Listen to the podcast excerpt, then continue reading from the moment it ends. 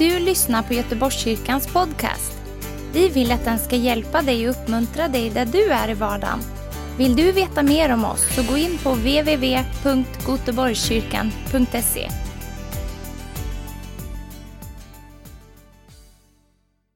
Amen, amen. Vilken underbar start på gudstjänsten tycker jag. Fantastiskt att bara få upphöja kung Jesus och bara få komma inför hans närvaro. Och Boris har ju egentligen redan predikat vad jag ska säga, så att det, men det blev perfekt. Du vet, Gud har en plan och jag ska bara börja med att bara be att Gud öppnar våra hjärtan för att ta emot hans ord idag. Herre, jag bara ber Herre att du just nu Herre ska öppna var och ens hjärtan som lyssnar på denna förkunnelsen Herre, så att de kan ta emot det som är ifrån dig Herre. Ett ord ifrån dig till befrielse, till uppmuntran och till tröst och förmaning Herre. Ord som ger liv ifrån ditt heliga skrift Herre. Jag tackar dig för det. Amen, amen, amen. Gott! Jag är ju fått förmånen att få predika utifrån Hebreerbrevet kapitel 9 och vers 1 till 14. Och då har vi ju haft att Boris har predikat från Hebreerbrevet precis nyligen och även Anders Wahlund. Och det här handlar ju mycket om ett bättre hopp, ett nytt och bättre förbund. Och så här är det att eh, i Hebreerbrevet så upprepar han sig lite granna, författaren. Vi vet inte exakt vem det är som är författaren. Men, eh, men det upprepar sig lite grann. Så det är vissa saker jag säger idag kommer säkert att vara lite överlapp. Men det tål att upprepas, säger jag. Om man säger att upprepning är all inlärningsmoder så förhoppningsvis så fastnar något nytt idag i just som Gud har för dig. Eh, jag tycker att vi går till Hebreerbrevet 9 tillsammans och läser dagens text helt enkelt. Från vers 1 står det så här. Det första förbundet hade alltså sina föreskrifter för gudstjänsten och sin jordiska helgedom. I tabernaklet inreddes ett främre rum som kallades det heliga. Där stod ljusstaken och bordet med skådebröden. Bakom den andra förlåten fanns ett rum som kallades det allra heligaste. Dit hörde det förgyllda rökelsaltaret och förbundsarken som på alla sidor var överdragna med guld. I den fanns en guldkruka med mannat, Arons stav som hade grönskat och förbundets tavlor. Ovanpå arken stod härlighetens keruber som överskuggade nådastolen. Men detta ska jag nu inte gå in på i detalj. Så blev det ordnat. I det främre rummet går alltid prästerna in och förrättar sin tjänst. I det andra rummet går endast översteprästen in en gång om året och då aldrig utan blod, som han bär fram för sina och för folkets oavsiktliga synder. Därmed visar den heliga Ande att vägen till det allra heligaste ännu inte har uppenbarats så länge det främre rummet består. Detta är en bild av den tid som är nu. Gåvor och offer frambärs men det kan inte fullkomligt rena samvetet hos dem som offrar. Liksom när det gäller mat och dryck och olika slags reningar så är det här fråga om yttre föreskrifter fram till tiden för en bättre ordning. Men nu har Kristus kommit som överstepräst för det goda som vi äger. Genom det större och fullkomligare tabernakel som inte är gjort med händer, det vill säga som inte tillhör den här skapelsen gick han en gång för alla in i det allra heligaste, inte med bockars och kalvars blod, utan med sitt eget blod och vann en evig återlösning. Om nu redan blod av bockar och tjurar och askan från en kviga stängt på det orena, helgat till yttre renhet, hur mycket mer skall då inte Kristi blod rena våra samveten från döda gärningar, så att vi tjänar den levande guden. Ty Kristus har genom den evige ande framburit sig själv som ett felfritt offer åt Gud. Amen. Får jag säga amen på det? Amen. Visst är det fantastiskt? Han har framburit sig själv som ett fullkomligt offer för vår skull. Amen kan vi säga till det. Här är ju, författaren här målar ju en bild av tabernaklet och säger att det är en bild på, på två olika ställen. Man, säger. man hade det heligaste och det allra heligaste.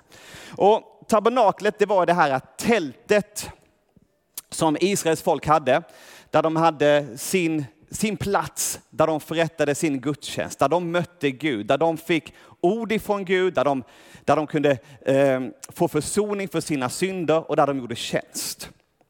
Och vilka var det som gjorde tjänst? Jo, det var prästerna som var där. Folket gick inte in i, i det allra heligaste, in i tabernaklet, utan det var bara prästerna som gjorde det. Och han säger här att han drar ju ett antal bilder, han har ett antal eh, eh saker som finns här inne. Han säger att det är heliga, det är den första lilla, man kan kalla det som ett liksom förmak, ett litet rum innan man kom in i det allra heligaste. Så gick man in i det heligaste och där fanns en ljusstake, en sån här sjuarmad ljusstake som symboliserar att Guds närvaro, som, symboliserar alltså som en symbol för att Gud är med Israel. Gud är med sitt folk. Gud är här med oss. Ehm, och det är också en symbol på törnbusken där, där Mose tog, liksom, mötte Gud och fick ta av sig sina skor för han stod på helig mark. Så det här visar på att men Gud är med sitt folk. Och sen är det skådebröden, de tolv bröd som symboliserar Israels stammar som låg där liksom och skulle finnas. Och prästen skulle in och se till att lamp, de här ljusen var tända, se till att byta bröden varje sabbat och, och liksom förrätta tjänst inför Gud i det allra heligaste. Detta gjordes dagligen, veckovis, hela tiden pågick där liksom tjänst Eh, sen säger författaren här att innanför detta så fanns det det allra heligaste och där stod, säger han först, rökelsaltaret. Här står det på vissa ställen i Bibeln att rökelsaltaren var i det heligaste, innan där egentligen. Och det kan vara så att det kan symbolisera här att det kan vara så att eh, vid försoningsdagen, den stora försoningsdagen, då tog översteprästen med sig altaret in i det allra heligaste. Så att det, det rörde sig mellan det heligaste och det allra heligaste. Och rökelsealtare, vad är rökelse? De som har en aning? Det är alltså, i Guds ord så handlar det om våra böner. Det handlar om det som vi frambär till Gud, det vi kommer med inför Gud. Det är vår bön, vår lovsång, det stiger upp som en rökelse till Gud. Och sen hade vi liksom le pièce de résistance, alltså den, den, den huvudsakliga poängen i hela tabernaklet och det var ju förbundsarken. Där Gud själv hade sin faktiska närvaro. Gud, alltså, Gud lät sig själv finnas där. Och det, det märker man i, i, Guds ord, att i, man läser i Gamla Testamentet så var det viktigt att man höll sig på avstånd från förbundsarken så man inte kom för nära. För Guds närvaro är så helig och så påtaglig och så mäktig i det. Ni vet när, när Mose tog emot de tio budorden på Sinai berg, då säger Gud att låt ingen komma ens nära berget. För att min närvaro är så stark. Och den närvaron fanns i arken och där fick översteprästen en gång om året gå in. Och han fick gå in själv. Det var ingen annan som fick gå in. Han var tvungen att ha med sig blod. Och han hade en liten bjällra så han, som folk visade att han rörde på sig där inne. Och sen hade han ett snöre så att om någonting skulle hända honom så fick man inte gå in och hämta översteprästen. Det var absolut förbjudet. Då fick man dra ut översteprästen. Så det var verkligen så. Det var bara översteprästen en gång om året som fick gå in där. Och nu säger han här att, i, i vers 5 att men detta ska jag inte nu gå in på i detalj. Så du vet, det ska jag försöka att inte göra heller. För det är inte det som är poängen med den här bibeltexten, om alla de här. Det ger en bild och, och man förstår att det som författaren talar till, det är judar. De är väl medvetna om tabernaklet. De är väl medvetna om de här grejerna. Det är därför jag behöver förklara lite mer. För att vi har inte den erfarenheten. Vi har inget tabernakel med någon sjuarmad ljusstake och grejer här. Så vi är inte vana vid det. Men, för, men mottagarna av det här brevet, de visste precis vad han menade när han sa detta. Men så blev det ordnat, står det i vers 6. Och, och då står det att i det främre rummet går prästerna in, alltid prästerna in. Alltid går de in där och förrättar sin tjänst. Det innebär att det här är en plats där, där det är rörelse hela tiden. Här är det någonting som sker hela tiden. De går in och, och, och gör gudstjänst. Och det kan liknas lite grann med vårt liv. Det vi gör varje dag. Vi kanske säger att vi, vi läser Guds ord varje dag. Vi ber varje dag. Vi, vi tar en stund med ritualer, saker och ting vi gör som vi vet att det är bra för oss att göra. Det är den där tjänsten som man gör. Men, men om man tittar på den här tabernaklet så fanns det liksom någonting emellan. Såg ni det? Det var liksom ett, ett heligaste och sen fanns det det allra heligaste. Och däremellan så var det en stor, ett stort skynke, en förlåt som hängde och täckte så man absolut inte kunde komma in i det allra heligaste. Och då säger han i vers 8 här, därmed visar den helige ande att vägen till det allra heligaste, alltså vägen in till förbundsarken i detta templet, eh, det är liksom där Guds närvaro verkligen är. Vägen in till Gud är ännu inte, har ännu inte uppenbarats så länge det främre rummet består. Han, vad, vad, menar han här? Men jag menar, det, nu har ju vi inget främre rum och vi har inget skynke och vi har ju ingenting sånt, så då finns väl inte detta. Nej, men han säger detta i nutid. Han säger inte att så var det på den tiden. Han säger inte att så var det en gång för länge sedan, utan han säger att så länge det främre rummet består så har, man inte upp, har det inte uppenbarats att vägen är öppen. Och vad är då det här främre rummet? Om vi kan säga bara först Matteus 27. Jag kan ta det bara så att ni vet om det. Matteus 27, när Jesus dör på korset så händer någonting fantastiskt, eller hur? Han offrar sig för vår skull, han, han ger sitt liv för våra synder. Och om vi får förlåtelse och hela alltet. Men det står i, vers, i Matteus 27, vers 50. Men Jesus ropade än en gång med hög röst och gav sedan upp andan. Och då brast förhänget i templet i två delar, uppifrån och ner. Rösk! Så försvann detta. Den, den avskiljningen mellan det heliga och det allra heligaste. Det som skilde människorna från att liksom möta Gud, det var borta. Så det har ju hänt. Men här säger han, så länge det första rummet består så, så har, man inte upp, har det inte uppenbarats, den här vägen in. Vad innebär nu detta? Så länge som vi tror att vi behöver göra de där gärningarna som består i det första rummet för att få komma in i det andra rummet, så har vi inte uppenbarelse. Så länge vi tror, oj, där var någonting.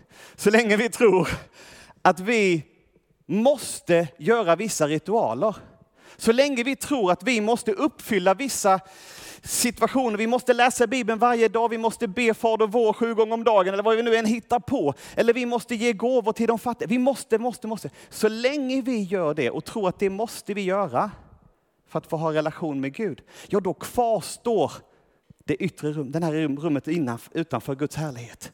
Då har inte det fullkomligt uppenbarats för oss att vägen faktiskt är öppen.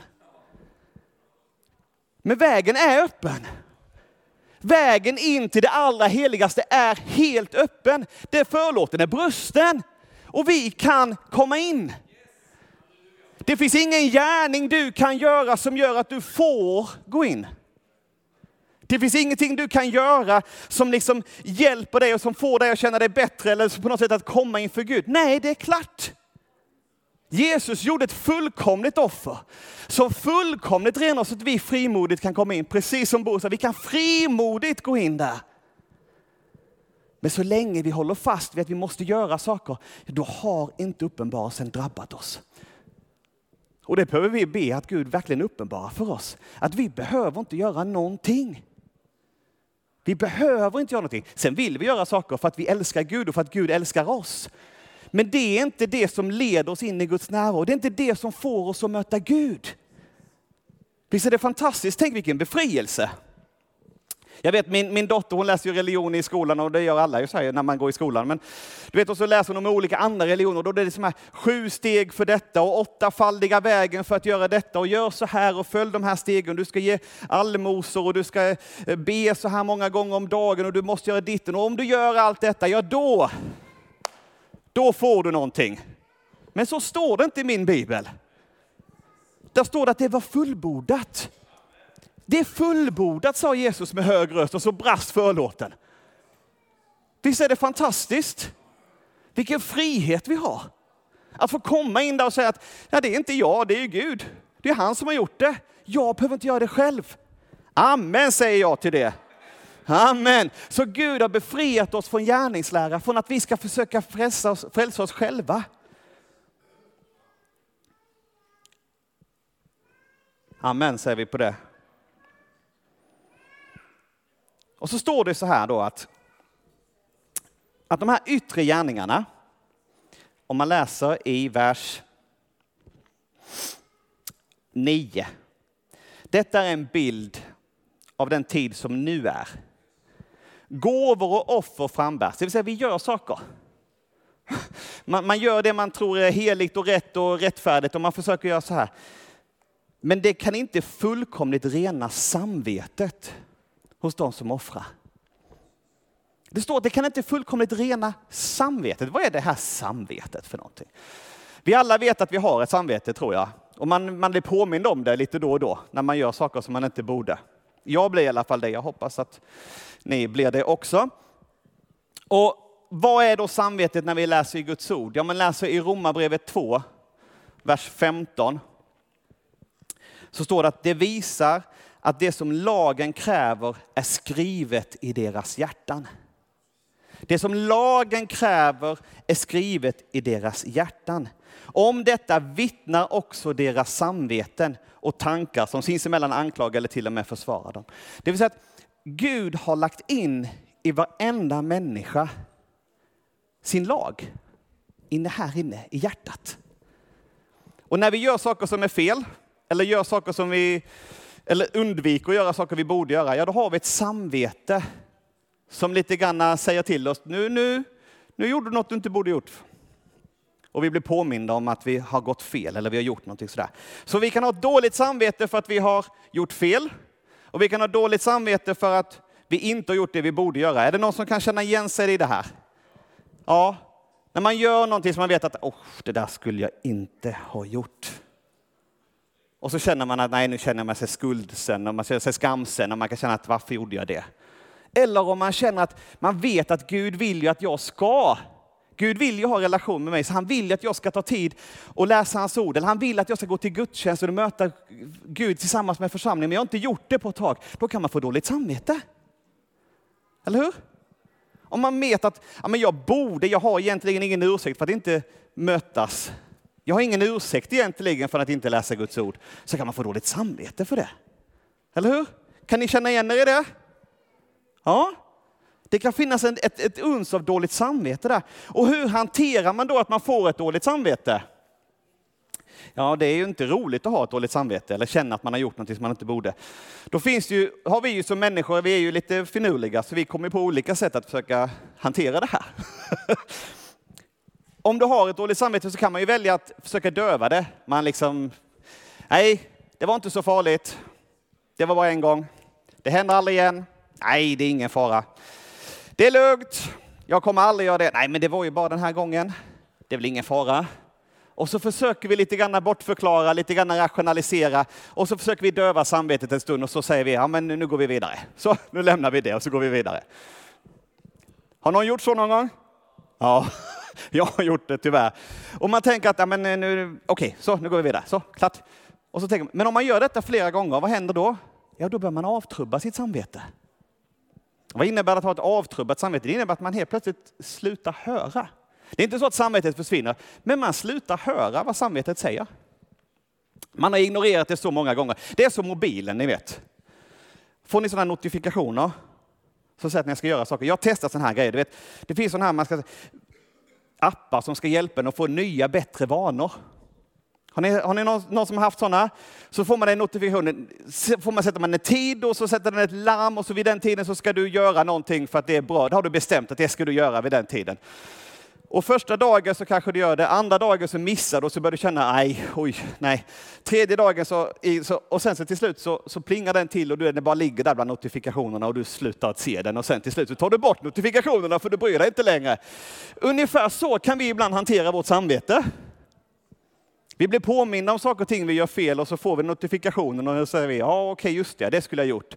Och så känner vi, oh, nu får jag, jag får göra dubbelt imorgon istället. Ah. Det kallas att kompensera ett dåligt samvete. Det kan vi också hitta på ibland. Vi tänker så här, nej men nu gjorde jag inte det. Nu ehm, gick jag inte i kyrkan förra veckan, så nu går jag i kyrkan och bönebasen denna veckan. Ha? Och det är ju positivt, men att göra det för att man har någon skuldkänsla av kompensation är ju fel.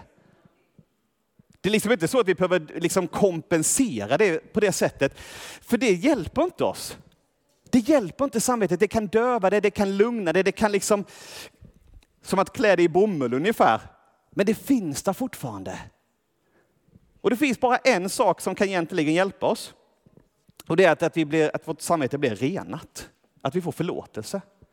Men vi vill gärna ha kontrollen själva. Och det här med att kompensera, det är vi mästare på. Vi är oftast väldigt, väldigt bra på det. Vi är väldigt, väldigt bra på det. Och det var även de mottagarna av breven i, i Nya Testamentet också. Om man går till Galaterbrevet, de var mästare på att kompensera, tänkte de. För det är det man egentligen gör. Man läser Galaterbrevet 5. Så står det så här i vers 1. Till denna frihet har Kristus gjort oss fria. Okej, okay, till vilken frihet? Han har gjort oss fria. Det var det jag sa, förlåten är eh, liksom vi kan gå in, vi är fria. Stå därför fasta och låt er inte tvingas in under slavoket igen. Lyssna, jag och Paulus säger att om ni låter omskära er kommer inte Kristus vara till någon hjälp för er. Jag försäkrar igen, var och en som låter omskära sig är skyldig att hålla hela lagen.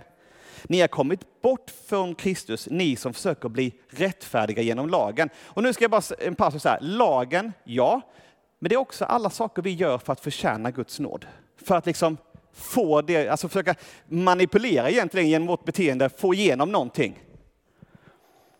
Så ni har kommit bort från Kristus, ni som försöker bli rättfärdiga genom lagen. Ni har fallit ur nåden.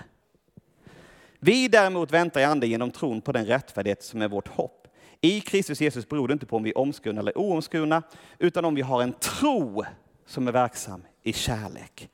Ibland så blir vi lurade att liksom hamna in i det här, på grund av vårt samvete så hamnar vi in i någon typ av lagiskhet. Vi tänker vi får ett dåligt samvete för vi inte har gjort ditten eller datten. Och så försöker vi kompensera genom att göra så mycket gott. Vi tänker, att jag gör en god gärning nu då, så blir väl det bra, så blir väl samvetet dövat och Gud blir nöjd med mig, eller hur? Visst är det så? Visst blir Gud nöjd med mig om jag gör goda saker? Det är så vi tänker. Men det handlar inte om det. Ingen av oss kan göra någonting för att förtjäna Guds nåd. Du kan inte lägga någonting till det Kristus redan har gjort för dig. Men vårt samvete söker ibland en utväg. Och då tänker vi att ja, men vi kompenserar, vi gör någonting annat. Och det blir som att vi sätter upp det här skynket igen. Du vet förlåten brast men vi sätter upp den igen. Och så håller vi på och gör, går i det yttre där och gör våra ritualer och gör allting. Och så tänker vi, nu har jag gjort tillräckligt, nu kan jag komma inför Gud. Men så står det inte i, mitt ord, i min bibel. Det står att den, den är borta. Förlåten är brusten. Vi kan frimodigt gå in i det allra heligaste. Det är vad det står. Inte på grund av att jag är så duktig eller har gjort så många bra saker eller att jag har kompenserat mina synder eller mina tillkortakommanden, utan på grund av vad han har gjort redan. Precis som vi läste i vers 8. Därmed visar den helige ande att vägen till det allra heligaste ännu inte har uppenbarats så länge det främre rummet består. Så länge vi håller på och försöker hamna rätt med Gud i vår egen kraft, så har det inte uppenbarats för oss friheten, nåden. Och vi hamnar så lätt in i lagiskheten att vi måste göra så himla mycket. Och vårt samvete pockar om vi inte tar itu med det. Och hur tar vi itu med vårt samvete? Ja, det gör vi inte själva. Det gör vi inte själva. Jag kan inte ta itu med mitt eget samvete. För om jag går runt och tittar, jag misslyckas hela tiden. Jag vet inte om ni känner det också. Ni glömmer att göra det som ni borde göra och ni gör saker som ni inte borde göra. Det är precis som Paulus säger. Liksom. Så är det ju. Och skulle jag då försöka kompensera det, då blir det väldigt jobbigt. Då kommer jag ha fullt upp kan jag säga, med att bara försöka kompensera det. Men istället så står det Halleluja. Så står det i vers 14. Hur mycket mer? Hur mycket mer skall då inte Kristi blod rena våra samveten från, vad då? Döda gärningar. Det renar oss från döda gärningar. Det renar oss från att vi måste göra så mycket. Och vi kan vara frimodiga och bara vila i att det är ju klart. Ja, jag räcker inte till. Jag duger inte egentligen, i lagens mening så duger inte jag i mig själv. Men genom vad Jesus har gjort för mig så har jag tillgång till det allra heligaste. Genom att han offrade sig på korset för min skull så kan jag gå in. Och om jag tror att jag med mina gärningar ska lägga till någonting på det, ja då har jag inte förstått vad det är han har gjort. Då har det inte uppenbarats för mig. Och ibland så glömmer vi, ibland så glömmer jag att det faktiskt är klart. Och så försöker jag lite själv och sen så får jag bli påmind. Just ja, det är ju inte jag. Det är ju inte jag. Det är inte jag som ska döva mitt samvete. Det är inte jag som ska kompromissa eller liksom komplettera det här. Nej, det är inte jag. Det är ju Gud som gör allt. Och jag som tar emot. Eller hur? Det är jag som tar emot och så bara lever jag i den, den, den förlåtelse, den nåden, den uppenbarelsen. Och det är bara härligt och ljuvligt. Ibland händer det saker som inte är härligt och ljuvligt, ibland gör man fel ändå. Men då finns det förlåtelse. Eller hur? Romarbrevet 8.1, det finns ingen fördömelse för den som är i Kristus Jesus. Samvetet, om du försöker liksom hantera det själv, så känner du dig fördömd. Men det finns ingen fördömelse, för du är i Kristus. Första Johannes 1 och 9, om vi bekänner våra synder, vad händer då? Jo, då är han trofast och rättfärdig. Och vad gör då? Han håller inte våra synder mot oss. Han förlåter oss våra synder. Så det enda vi behöver göra är att komma till Gud och säga, Gud nu misslyckades jag igen. Hjälp mig, förlåt mig. Och så är det över. Och så kan vi ha en relation. Vi behöver inte, vi behöver inte göra något mer än så. Vi behöver inte göra något mer än att säga, Gud förlåt mig när jag brister. Och så är det klart. För han har gjort allt. Och eftersom vi vet att Jesu offer är ett fullkomligt offer som renar vårt samvete helt och fullt. Så kan vi, precis som vi har läst i Hebreerbrevet 4 och 16, så står det låt oss därför frimodigt komma fram till nådens tron.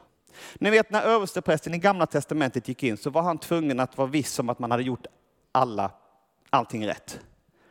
När översteprästen skulle gå in i det allra heligaste en gång på året så fanns det massa regler, ritualer, saker och ting han var tvungen att göra för att vara säker på att det var okej. Okay. Han var tvungen att tvätta händerna på ett visst sätt, han var tvungen att offra på ett visst sätt, han var tvungen att göra massa grejer. Och så tog han stegen och sa, nu, nu, har jag, nu har jag nog gjort allt, hoppas jag. Och så går han in i det allra heligaste och hoppas att det funkar. Att han har gjort rätt. Att han inte glömt någonting. Att han inte missat någonting. Men vi behöver inte leva så. Så behöver inte vi leva i vår relation med Gud, att när vi kommer till honom så ska vi liksom, ja, nu får vi hoppas att jag, ja men jag har läst Bibeln, eh, jag har gått i kyrkan, eh, ja, jag har varit snäll mot min familj, ja men nu kan jag komma. Så är det ju inte. Vi kan ha gjort allt fel. Men genom Jesu blod har vi förlåtelse och får komma in i Guds närvaro. Det här är fantastiskt, det är ett fantastiskt budskap, eller hur? Och du kan stå med ett rent samvete, inte på grund av att du aldrig gör fel eller misslyckas, utan på grund av vad Jesus har gjort. Det är nåd, det är det glada budskapet. Lovsångarna får jättegärna komma fram. Ni ser, vår synd, det är inget problem för Gud. Vad vi gör fel eller misslyckas med, det är inget problem för Gud. Så låt inte, stanna inte kvar i ett dåligt samvete. Stanna inte kvar och låta det stå i vägen, för vi kan ibland, som jag säger, sätta upp det där skynket. Och så drar vi inte oss nära Gud. Jag vet själv, det har varit perioder där man tycker att man har gjort så mycket fel, man har misslyckats så fatalt så man nästan inte vågar närma sig Gud, för man tänker, vad vill han ha med mig att göra, jag som är så dålig? Jag som har gjort så mycket fel, vill han vara med mig? Ja, det vill han. Inte på grund av att du gjort massa fel eller på grund av att du gjort massa rätt. Han vill vara med dig för han älskar dig. Och han har offrat sin son för dig för att kunna ha en relation med dig. Han sa inte att du måste uppfylla alla massa lagar och regler och bud. Du måste göra allt detta och detta. Han sa, nej jag gör allt. Jag gör allt. Du behöver bara tro på mig och så får du komma. Så synden är inget problem för Gud. Det blir ett problem för oss om vi låter det stå i vägen för oss. Om vi låter vårt samvete stå i vägen så att vi inte kommer in till Gud, att vi inte närmar oss honom. Men vi kan med rent samvete, med glädje komma inför Gud idag. Vi kan med glädje komma inför Gud. För han har gjort allt. Och om du känner dig eh, liksom bevisa och överbevisa i ditt hjärta att oh, men jag har gjort så mycket fel, jag har gjort så mycket tokigt. Ja men du, Gud är större än så. Hans förlåtelse täcker allt. Det renar fullständigt. Det är inte så att han liksom tar bort vissa delar av synderna. Eller han renar en viss del. Visst, vi har en fiende som vill påminna oss om att vi gör massa fel och vi, vi kan vara bland våra egna värsta fiender som drar upp alla felen vi har gjort tidigare. Men Gud säger att han kastar våra synder i glömskans hav. Han säger att våra synder är så långt från oss som öster är från väst. Så långt borta är synden från dig när du väljer att ta emot Jesu förlåtelse. Du behöver inte ha ett dåligt samvete. Du kan ha ett renat samvete. Och Gud vill ge oss det idag. Amen. Tack för att du har lyssnat. Dela gärna podden med dina vänner och glöm inte prenumerera. Om du har frågor eller vill att vi ska be för något så mejla oss på info På söndagar har vi veckans höjdpunkt. Då firar vi gudstjänst tillsammans och det vore så kul att träffa dig där. Men vi har även samlingar för barn då? Gå in på vår hemsida goteborgskyrkan.se så får du veta mer. Välkommen till oss!